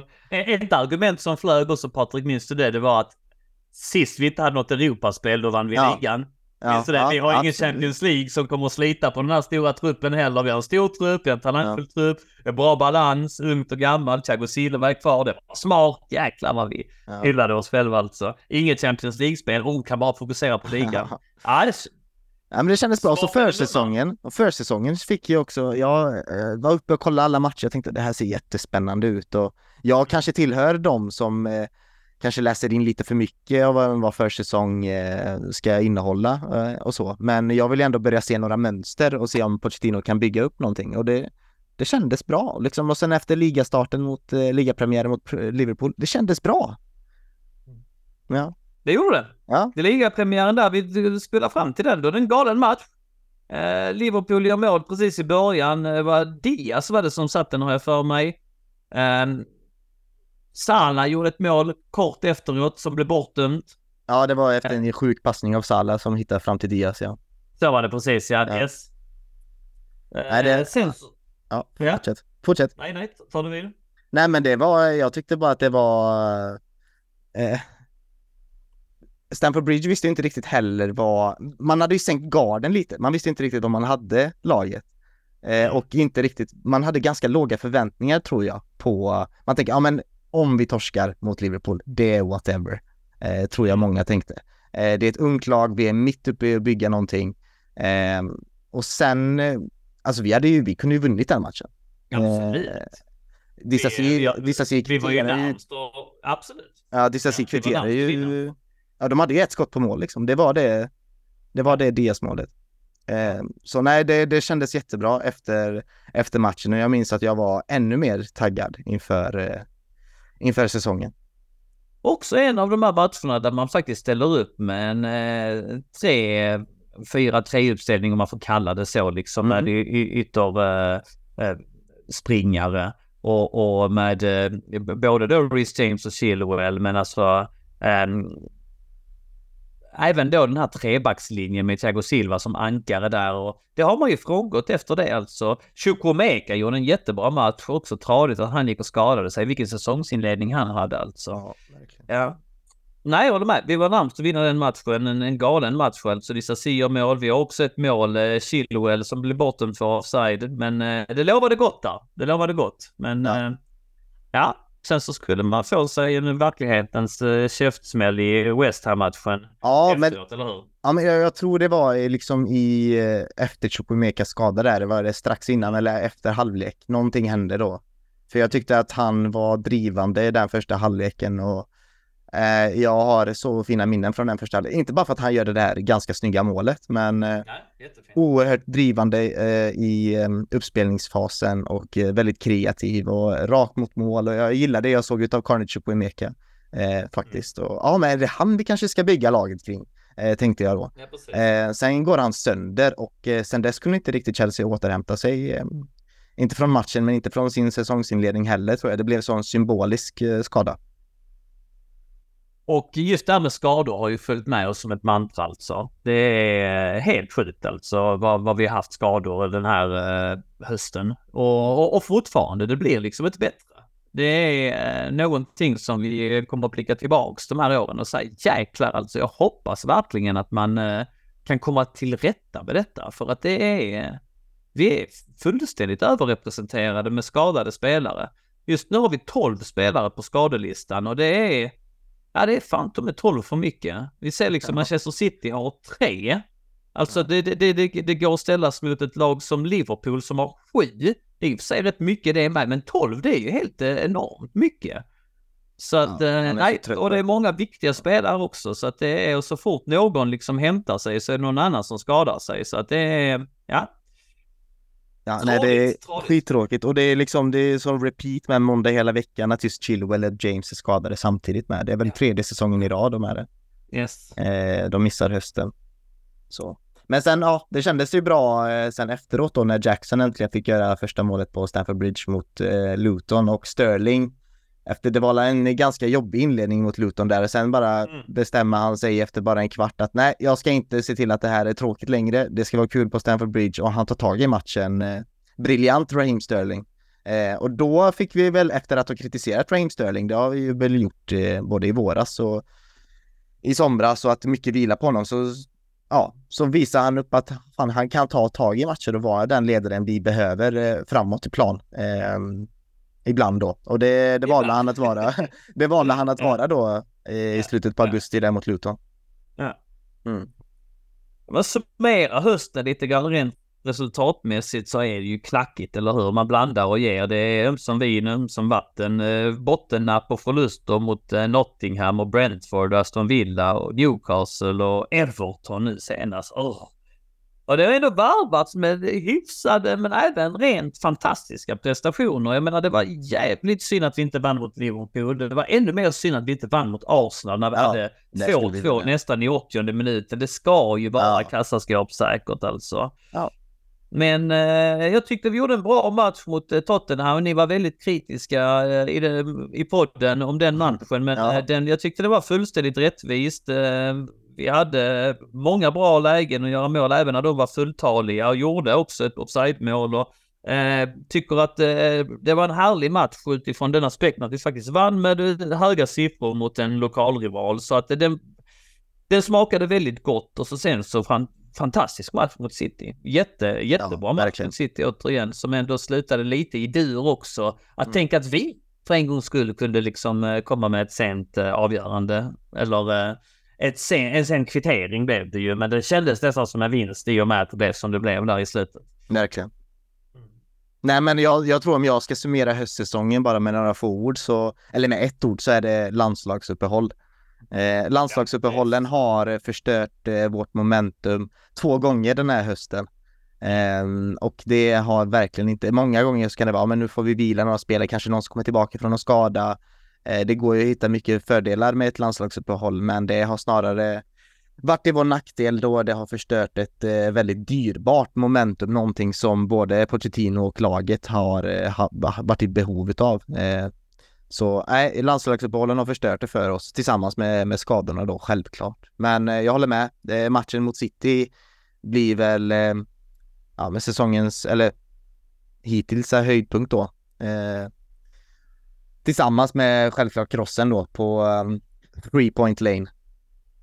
Ja, ja det um, är Sen de eh, två fäderna absolut. Ja, Ja, och sen Newcastle, den här ligacup-kvartsfinalen. ja absolut. Alltså herregud, det Återigen så den där bra. faktiskt. Det är den vi ändå summerar nu. Det är den som är den sista liksom matchen här som vi på något sätt kan eh, Mm. ändå för att eh, jag vet, nu nu släpps ju det här avsnittet samtidigt som en viss annan match ska spelas. Vi ska spela mot Wolverhampton just på Livsfarligt. julafton och ja, säga vad man vill om det. Ja, det är ett konstigt beslut alltså. Ja, Men, ja.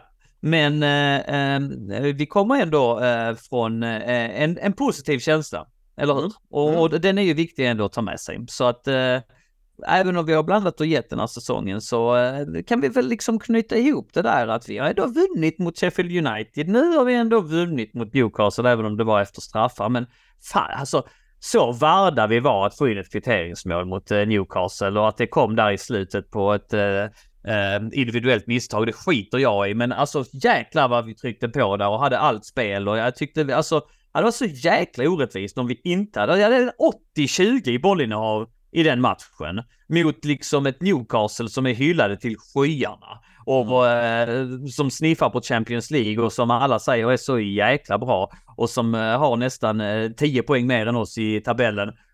Och att vi kunde liksom, jag tyckte vi var så jäkla mycket bättre än dem. Eh, All statistik talar för det och eh, att vi fick in det målet där och så sen när det blev straffar då var jag så här, det, det finns ingen chans att vi kommer förlora, alltså Nej. vi kan inte. Det, vi har Vilka straffar också. Vilka Vilka straffar. Ja. Ja, ja. Men, eh, men där har vi ju verkligen ett lag som eh, har kantats av skador eh, rejält, Newcastle. Så det måste man ju ändå komma ihåg. Men sen, eh, alltså, sen, jag tycker inte vi gör en speciellt bra match. Absolut, vi dominerar bollen, men det är vårt kantspel. Jag vet jag, inte, jag gillar inte när vi spelar med Disasi och Colwill på våra ytterbackspositioner, men så, så fort Gusto och Matsen kom in så wow, ja, vi kan hota på kanterna också. Och det var ju faktiskt från eh, ett inlägg från Gusto som eh, Modric eh, hittade det här misstaget från Trippier då. Så äh, jag är glad att vi kan börja hota från kanterna lite mer eh, i alla fall. Men eh, ja, en Kunko, hur kändes det att se honom? Eh, Kul! Jätteroligt. Sen tyckte jag inte man kunde urskilja sådär supermycket av honom, men eh, nej, men ja. Så, det, det, kanske är det så att när vi eh, spolar fram eh, ett år och summerar nästa år med julavsnittet, att det var här vändningen var. Tänk om det är det Patrik. Fan Ja. härligt det hade varit i så fall. En Ja, på kom in och vi fick lite marginaler med oss för en gångs skull och gjorde ett mål i slutet och Lite vind i segel. Började det nya året på en positiv not istället. Jag tror ju mycket på det med psykologi, alltså de psykologiska aspekterna. Så gå in nu liksom och göra det bra på julafton och så sen kunna bygga vidare. Nytt år, nya tag, bam och så vänder det liksom. Ja, det var verkligen. härligt. Istället för att börja året som vi gjorde, det här skitåret 23 med eh, eh, noll vinster på de fyra första och eh, ja, missöden efter missöden. Det värsta som kan hända nu det är om man eh, av någon anledning väljer att sparka Pochettino för att man då skulle kanske Nej, men det gör man. Nej, alltså det, jag har blivit så förbannad. Men ja, nej, jag, jag, jag väljer på det, positiva spåret och framförallt, jag tror den här matchen vi, vi gör mot Newcastle, stämningen på Stamford Bridge, jag var ju avundsjuk på de som var där och undrade om Ja. det också. Man ville verkligen vara på plats där. Det kändes ju som en riktig Champions League-stämning liksom. Ja. Eh, är skithäftigt och kul att se att eh, fansen gungar. Det betydde väldigt mycket för fansen, just den här vinsten. Men för laget också. Eh, vet, för, för fem, sex år sedan eller för tio år sedan om vi hade gått vidare från en kvartsfinal i ligacupen, vi hade bara, ja, job done liksom. Mm. Men eh, det är skönt ibland att bli påmind om eh, att, eh, att liksom att älska inte bara bra känslor, det kan också, man, man lider också när man älskar. Mm. Och eh, vågar man ta ut att vi hamnar i ligacupfinal nu? Alltså Middlesbrough ska vi väl lösa va? Det ska vi väl ändå lösa? ja. Ja, ja. Så ja, Liverpool på, mot, på Wembley då. Mycket lutar åt det. Den som lever får se. Mm. Så här är det. Vi knyter ihop säsongen där och vi ska dela ut lite smällkarameller Patrik. Gör du? Härligt. Kul. Vi eh, siktade på en timme på avsnittet och det har vi överskridit så att nu kör vi våra smällkarameller och sen knyter vi ihop den här julsäcken och eh, stänger julavsnittet. Men som sagt, innan dess.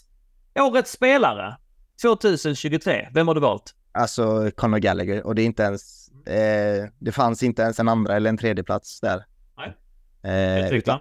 Utan, ut, utan tvekan. Alltså jag satte honom både på, nu spoilar jag lite här, men jag satte honom Mm. också på den för, mest förbättrade spelare också. Mm. Ehm, alltså så här, det är klart jag hade en andra plats och det, jag, det är väldigt enkelt att välja Thiago Silva här Mm. eh, också. Men jag tycker Gallaghers betydelse för laget har varit eh, enorm. Alltså, jag tror Mm. säkert den varit enorm både i somras också. Eh, när han själv har väl, han erkände väl det själv eh, i en intervju med, eh, om det var Gary Neville eller om det var någon annan, eh, att han funderade på att lämna.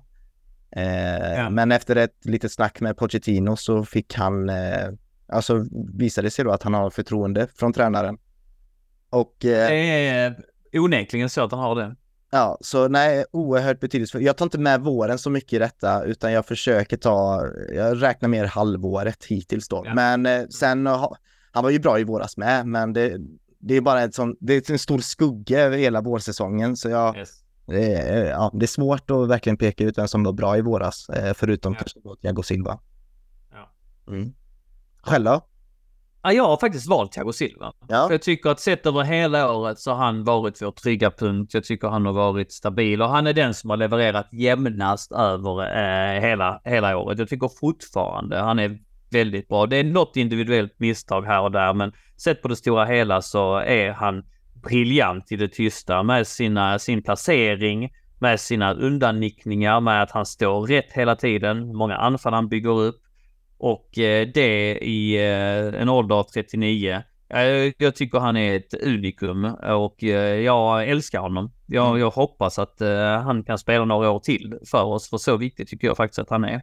Sen så är Conor Gallagher ett fantastiskt shout. Och jag har ju honom, eh, spoilar jag nu, och så på nästa punkt, årets mest förbättrade spelare givetvis. Och jag gråter blod om han lämnar Chelsea och tyvärr verkar det ju nästan vara Ja. så. Nästan Pochettino indikerat här också att det är ett, han har sagt det rakt ut, det är ett klubbeslut va, men det, det visar ju Eh, han, Pochettino, visar hur mycket han tycker om Conor Gallagher med hans uttagningar, med att göra honom Mm. till kapten och snälla, snälla Bowley. Alltså jag fattar inte logiken bakom att sälja honom för att balansera böcker för att han är en homegrown. Då kunde man ju lika gärna skita i liksom att varva in Palmer. Alltså han är viktigare än Palmer för det här laget tycker jag. Alltså, Eller Lavia. Han... Eller Lavia, ja. Ja. Jag vet inte, fyller han homegrown-boxen också? Lavia? Ja, han, han kanske är britt ja. Nej, det är han inte britt. Men alltså jag tänkte i och med att han har varit i Citys akademi så det vet. Ah, jag okej, alltså, ja. ju- ju- Just att, att uh, Conor Gallagher har eh, ändå kommit från det egna ledet. Han fyller homegrown box. Alltså, men att man vill... Nej, jag begriper. Jag tycker det är idioti att man inte liksom gör allt man kan i sin kraft för att förlänga med den här killen. Jag tycker han har varit eh, höstens absolut mest lysande stjärna, det håller jag med om. Men eh, ska jag välja en spelare för hela året så valde jag Thiago Silva. Ja, och Thiago Silva... ni? Diskutera det i uh, CSS-podden-gruppen på Facebook eller på vår, vår Discord. Mm. Måste bara säga att Thiago Silva utan tvekan är ju kvalitativt vår bästa spelare i truppen. Eh, det är inget snack om det. Eh, han är bäst. Mm. Finns argument för både och. Eh, ska vi snacka om årets floppspelare då? Ja, här var det lite intressant för jag, alltså min första, min, alltså min intuition, magkänslan ville ju säga Modric, men det är, eh, jag vet inte, jag är fortfarande så här att jag vill ge han en femte, en sjätte, en sjunde, en tionde, en elfte. Jag vet att jag är svag för Mikhail Ja. Modric av någon anledning. Mm. Så jag valde någon i Madueke. Eh, just för att han inte verkar ens ta en plats eh, på bänken liksom. Nu är han ju skadad förvisso. Eh, Är han det då? Han var väl tillbaka, var han inte det? Ja, jag vet i den här senaste mycket grumliga eh, lägesrapporten så nämndes han i dem. Men eh, att han ska vara i alla fall tillbaka i full träning, det, det ska han vara nu i alla fall, ja. Mm, mm. Eh, men med det sagt så tycker jag inte att han, när han väl har fått chansen så har han inte tagit det och eh, jag vet inte, det var ju någonting som excitade mig med Noni Madueke när han anslöt, men eh, jag, jag ser gärna honom eh, lämna faktiskt. Eh, det är bara min magkänsla nu. Självklart eh, så förtjänar han ju också tid, men jag vet inte, det är någonting som är eh, som inte känns rätt med Noni Madueke. Så äh, han är årets flopp för mig, men självklart kan han ju vända på det nästa år om han får chansen. Mm. Dålig första touch, dålig, eh, lite bristfällig teknik. Men visst, samtidigt som du säger, bara 21 år gammal så att... Eh, ja, beslutsfattandet är ju väldigt dåligt. Ja, ja, nej, nej, jag håller med dig. Ja, ditt val? Eh, med risk för att jag får mothugg här, men jag har faktiskt satt Enzo Fernandes. Och jag ska berätta varför. Ja, han närmar sig 50 matcher i Chelsea och han har gjort tre mål på den här tiden. Ett av dessa på straff. Så två spelmål. Uh, det är ju en oskriven sanning att uh, Chelsea stod och valde mellan uh, att buda på Bellingham och Declan Rice ja. eller liksom Enzo Fernandes. Att man ändå tyckte att Enzo var det ja. mest logiska alternativet. Och sen i efterhand så, där vi står nu, så var det fel. Det, det, måste vi konstatera med tanke på Bellinghams framfart i Real Madrid och med tanke på att Arsenal faktiskt leder ligan. Så eh, jag ser att det är en jättebra fotbollsspelare där. Men det faktum att laget inte byggs kring honom, det faktum att han blir utbytt i tid och uttid och då pratar jag inte Newcastle-matchen där han kände sig sjuk eller vad det nu var, utan jag, jag pratar om att han Pochettino byter faktiskt ut honom eh, mm. rätt ofta i, i matcher. Det, det talar ett visst språk. Det borde man inte göra för en snubbe som eh, kom för över 100 miljoner pund. De här spelarna ska eh, dominera direkt. Det är inte spelare som man eh, ska ha, som jag nämnde tidigare, en långsam integrering med. Och jag tycker inte han har nått upp till de nivåerna faktiskt. Han skulle komma in och lyfta laget i våras, i januari. Det var därför man betalade kanske 20 miljoner extra för att man ville ha en direkt effekt av honom istället för att vänta på sommartransferfönstret. Eh, den kom inte, den uteblev. Eh, och i år tycker jag inte han har varit eh, särskilt bra heller. Vissa matcher har han eh, glimtat till, men sett över det stora hela, man är inte särskilt bra i ett eh, Chelsea-lag om, om det Chelsea-laget eh, ligger tia i ligan och om man dessutom då blir eh, fullständigt utbriljerad av en egen produkt eh, på mittfältet. Så att eh, jag är besviken på Enzo Fernandes och eh, hoppas att han når den potential. Jag ser att han har potential, missförstå mig rätt, jag ser det. Men jag hade velat att han tar det steget eh, och, och levererar på en jämnare och högre nivå, faktiskt. Ja, jag är faktiskt väldigt glad att du väljer Enzo Fernandes eh, just för att eh, ja, men du, du skapar ju lite utrymme till att prata om eh, ja om honom. Eh, ja, han har varit ett år nu. Vi har haft ett år på oss ja. och, och, och se honom och det sett över hela säsongen. Jag hade lika gärna kunnat säga Caicedo, men han har bara varit hos oss halvår liksom, eller ja, mm. fyra månader i speltid. Så att, ja, eh. jag tycker du gör det klokt också i att nämna det, för jag hade velat faktiskt prata med Enzo Fernandes om, med, med dig idag faktiskt av någon anledning. Men ja. det var skönt att du lyfte upp det, för att när man jämför ja. honom då med Rice och Bellingham så blir det så tydligt att yes Eh, för någonstans var det inte, det var väl ändå Bowley och Chelsea som någonstans la den här ribban på att en duktig mittfältare idag eh, kostar miljarden. Liksom. Det var väl vi som satte den standarden och att vi gjorde det då med Enzo Fernandes mm. borde betyda också att han är väl den som är ledande utav de tre då, eller de fyra, inklusive Paketa ja. som nämns där.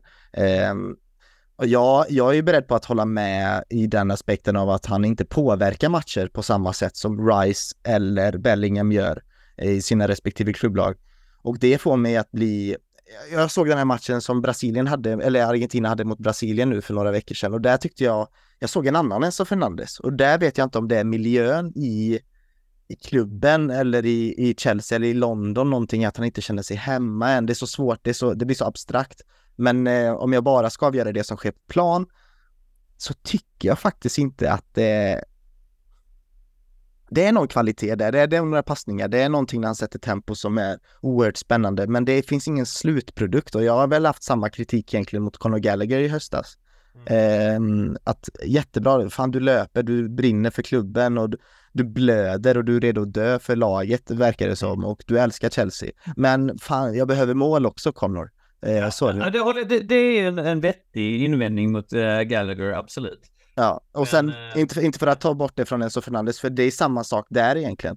Eh, hade han löpt lika mycket som Conor, eller som Conor Gallagher eller kanske visat samma eh, distinkta power eh, som Conor Gallagher så tror jag att han hade undkommit eh, lite kritik ändå, Enzo Fernandes. Eh, men det är någonting som känns aningen avigt och jag vet inte om det är balansen på mittfältet eller att han inte har rätt med medspelare runt om sig som man inte får ut det mesta utav honom. Men eh, att han inte påverkar spelet till eh, det positiva allt för ofta och allt för eh, eh, alltså allt för äkta då, liksom att det, man kan Ja. resultera i assist och poäng. Det är ju bara, det är en sanning liksom, eh, som vi Ja, måste konstatera. Ja. Så jag, många jag assist han har gjort den här eh, hösten, om vi bara tar hösten som ett exempel. förlåt? Vet du hur många assist han har gjort den här hösten, Fernandes? Nej, ett, en, två, Noll. noll, ja. Connor har fyra. det. Ja. Ja. Ja, så är det. Vi behöver inte vara alltför kritiska, men det är mitt val. Årets mål bläddrar vi fram till, Patrik. Ja, jag hade några här faktiskt att välja på eh, eh, och jag, det är någonting med det, om du minns den fulla matchen, eh, när Colwill eh, skjuter in eh, ett inlägg mot Modric, han tar emot den på bröstet och eh, på andra touchen sätter den eh, bakom mål. Jättefint, ja. Mm. Jättefint mål och jag tänkte så här, wow, det här är jag älskar sådana här fotbollsmål som där, när det finns struktur och det finns en tanke och eh, tanke och sättet man utför det blir verkligen ihopsynkat. Eh, Mm. eh, det gillar jag, så jag är väldigt svag för det målet. Sen tycker jag ju Modrics mål mot Arsenal är ju, det är väldigt roligt och det hade varit väldigt kul att välja ut det som, eh, som årets mål. Men jag väljer nog det, eh, det målet mot eh, Fulham ändå. Sen tycker jag Sterlings frispark mot Newcastle var jävligt snyggt. Nu har jag sagt tre mål här, men jag väljer eh, jag väljer Modrics mål mot eh, Fulham faktiskt på grund av assisten, mottagningen av Modric och sen eh, eh, touchen då direkt på volley in i mål av Modric. Ja. Mm, själv då? Jag väljer faktiskt ett mål från eh, april. Mm. Eh, där Kai Havertz sätter en, eh, det är en loppass från eh, Matteo Kovacic som Havertz eh, springer sig loss på och tar på helvolley i en lobb över målvakten. Mm. Vet inte om du minns det? Jajamän, ja. Ja. Ja. Eh, det, det fanns några att välja på, men det fanns inte så jävla många att välja på. Fanns det det tyckte du? Eh, alltså jag, jag, jag, jag var... Det här målet blev i alla fall valt till månadens mål i eh, april, tror jag det var. Ja, okej. Och eh, ja, och det, det, ja, jag tyckte det var jäkligt fint spel. När det lobbas liksom igenom på en touch, en, en eh, chip över. Så att, eh, men annars när jag stod där och liksom tänkte och letade, så nu nämnde du några pärlor här, men det har inte haglat. Det har inte inte Förra året var det, var det mycket svårare. Det var många fler mål att välja mellan, minns jag. Had- Hade Modrics eh, skott varit uppenbart medvetet där mot Ja, Arsenal, då hade det ja, varit, så det hade varit solklart. Ja. Ja. Ja. Ja. Men det var det inte. ja, så är det. Mm. Årets match då, innan vi knyter ihop säcken. Nej, Det- förlåt, vi har årets topplock också. Det är faktiskt lite kul också. Ja, vi kör vi- årets match innan. Ja, men Ja. helt rätt. Ja, vi avslutar med topplaget för jag har en Ja, del att säga ja. där. Eh, men eh, det får ändå bli nog den här matchen mot, eh, mot City hemma, tror jag faktiskt. Eh, just för att det kändes som att efter den här Tottenham-matchen, vi hade ju några svåra omgångar där med, med Spurs och, Ja. och, och så, och så slog vi dem och då tänkte vi, mm, är det bara en tillfällighet? De spelar med nio man, Anders Postecoglou spelar väldigt högt. Okej, hur kommer det se ut mot City hemma då? Eh, nej, jag tyckte den hade så många bra ingredienser och just att Palmer får göra det här avgörande målet. Eh, Sterling får också göra mål mot sitt gamla eh, City och firar och sen inser han, oj shit jag firar kanske lite för mycket. Eh, Medan Palmer firar eh, iskallt. Så eh, nej, den, eh, den kommer jag med mig eh, ett bra tag tror jag. Ett fin prestation. Eh, För, för att vara tråkig så äh, valde jag samma match också. Jag, jag såg den också tillsammans med min pappa och mina barn anslöt. Ibland tittar de med mig, ibland tittar de inte. Ibland så börjar jag titta och så tappar han intresset och så gör han någonting annat. Men här blev de helt fastnaglade så att vi var liksom tre generationer. Min far, jag och mina barn och blev helt besatta av den här matchen och när de får den här straffen i slutet så åh vad vi jublade, åh vad vi eh, hoppades att de skulle göra mål och så satt de den och så blev det total, eller satt Palmer den och så blev det total eufori och vi high-fivade och en härlig, ett härligt minne som jag kommer att bära med mig. Så att eh, ja, ja men det var eh, en, en, eh, återigen, de var inte så där många att välja mellan i år, det här årets match. det fanns ju Dortmund-matchen där också, kanske eventuellt som en kandidat som du nämnde, trots den här matchen kanske. Men den här matchen, det, det, det, den står ut eh, här på hösten, så att den är väl värd att nämna och komma ihåg när vi summerar året. Ja, är du imponerad av Palmer eller? Ja, han har gjort en bra säsong, absolut. Han är nog eh, den bästa värvningen, det får vi nog säga. Tycker ja. du inte? Jo. Du, vi tar årets topplock också innan vi blir alltför långrandiga. Eh, Patrik, sen så eh, avslutar vi.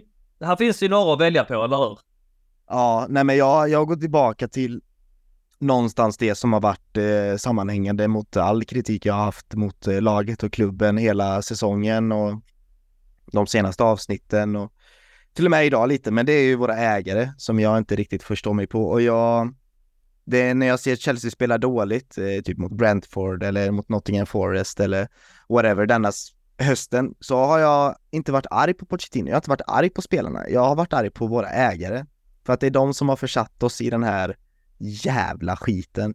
Eh, och jag tror droppen var egentligen eh, förlusten mot Everton på Goodison.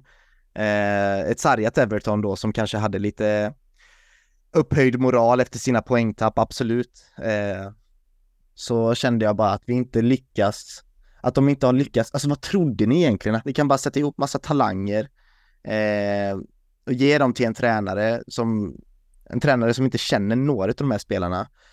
Eh, ingen Premier League-erfarenhet eh, i truppen knappt. Eh, ingen erfarenhet där uppe, bara Thiago Silva där bak. Vår bästa spelare är en 39-åring. Alltså fy mm. skäms, eh, säger jag till ägarna. Vad har ni gjort med Chelsea Football Club? Eh, ni har riktat ut allt, ni har sparkat till och med han som tog hand om Eh, alltså the groundskeeper, han som tog hand om gräset på Stamford Bridge, han har jobbat för klubben i, jag bara över 23 år. Till och med han fick kicken. Eh, alltså skärp er, sluta, alltså ni har sagt att ni ska vara öppna med fansen, eh, kommunikativa med oss. Ni har hållit käften och bara pratat eh, gett dumma intervjuer och pratat eh, på olika konferenser. Jag är så rädd för att Roman Abramovic var så redo att förlora pengar för den här klubben medan Bowley och company är, är Chelsea Football Club en investering. Och jag hatar att jag säger detta. Jag låter som ett United-fan liksom som klagar på Glazer och jag, det var exakt det här jag var rädd för. Att man inte riktigt vet vad man gör. Man anställer folk sätter dem på fel positioner och då tänker jag på uh, Vivell, eh, jag tänker på han ehm, eh, Lauren Stewart och ehm, eh, han andra då som är scout, eh, den här tredje snubben. Skitsamma, Vivell fick ju gå, jättekonstigt, efter ett halvår. Win Stanley. Ja, Win Stanley, tack. Eh, så Win Stanley och Stewart är ju nu de som rattar klubben. Och vet de vad de håller på med riktigt? Ehm, jag vet inte riktigt om de vet vad de håller på med. Jag tror vi behöver någon riktig, vi behöver någon Michael Edwards typ som verkligen tar över klubben helt och hållet. En diktator liksom. Jag kanske är så van med Roman Abramovic, men... Eh, ja, konstiga åsikter du. Ventilera avslutning. Ja, men jag, jag, jag går på en rant här. Ja, jag, går, jag går på en rant för att jag är så jäkla... Ja. Jag vet inte, jag... Inte så att jag falling out of love med Chelsea, men jag känner mig väldigt distanserad från eh, från projektet och klubben och jag känner mig inte alls engagerad på samma sätt. Men en diktator tror jag inte vi behöver. På. Nej, men ja, det är ju ja, är ja, ja, ja, ja. Ja. Nej, men jag, jag, jag hör dig. Jag håller faktiskt inte med dock. Jag, jag, jag tror och vill tro, det kanske är mitt naiva hjärta, att detta kan bli bra. Det kanske är så att de har koll på vad de gör och låt eh, tiden utvisa. Men det är sagt så har de ju agerat väldigt spekulativt och det, det håller jag med om. Och det Men till vilket pris? Alltså tänk om vi säljer Gallagher. Till vilket pris? Det är ju det. Det är ju det. Ja. Liksom, det, det står ju och tippar här, det håller jag med dig om. Men jag, jag, jag, jag är inte på något sätt att jag vill hylla deras första tid i klubben, absolut inte. Men jag vill inte heller liksom döma ut den fullständigt än, för jag tycker inte vi har... Eh, vi är inte tillräckligt långt fram i projektet för att göra det. Det är kanske så att de vet eh, vad de gör med de här uh, åttaårskontrakten och det kanske är ändå så att det, det här kommer att bli bra på sikt. Så att... Ja, nej, vi... Eh, jag, jag, tycker inte heller det ser bra ut, låt mig säga det. Men mm. eh, jag tycker inte det ser nattsvart som jag upplevde att du målade upp det till eh, just nu. Men ja, ditt topplock gick där, det håller jag med dig om. Ja, tack för det. Konstateras. Yes. Kommer jag sova gott i natt? Ja, ja, ja. Jag valde årets topplock. Jag stod och valde mellan lite olika grejer. Jag, jag funderade på eh, Lukakus då slutgiltiga uttåg. Jag funderade på alltså debaclet i Manchester i våras när jag tänkte att ah, men nu jäklar kan vi ändå vinna mot Manchester United här så har vi ändå lite heder i behåll. Och det blev för mig den sista spiken i Lampard-kistan när vi släppte in mål på mål på mål. Ja, den 4-1. 4-1. 4-1 blev det till slut alltså. Ja. Och jag mådde så då, har vi sjunkit så här att vi inte, att vi inte ens kan stå upp mot ett eh, halvtaskigt United? Alltså är vi, är vi, blir vi så utspelade nu av ett mediokert United? Är vi här? Alltså jag mådde så dåligt efter det, att det var mitt konstaterande att nej, det här är riktigt jävla illa alltså. Men till slut så landade jag faktiskt i eh, årets topplock gick när jag såg Mason Mounts avskedsvideo. Så är det. I sitt ja. färgade hår eh, och eh, liksom...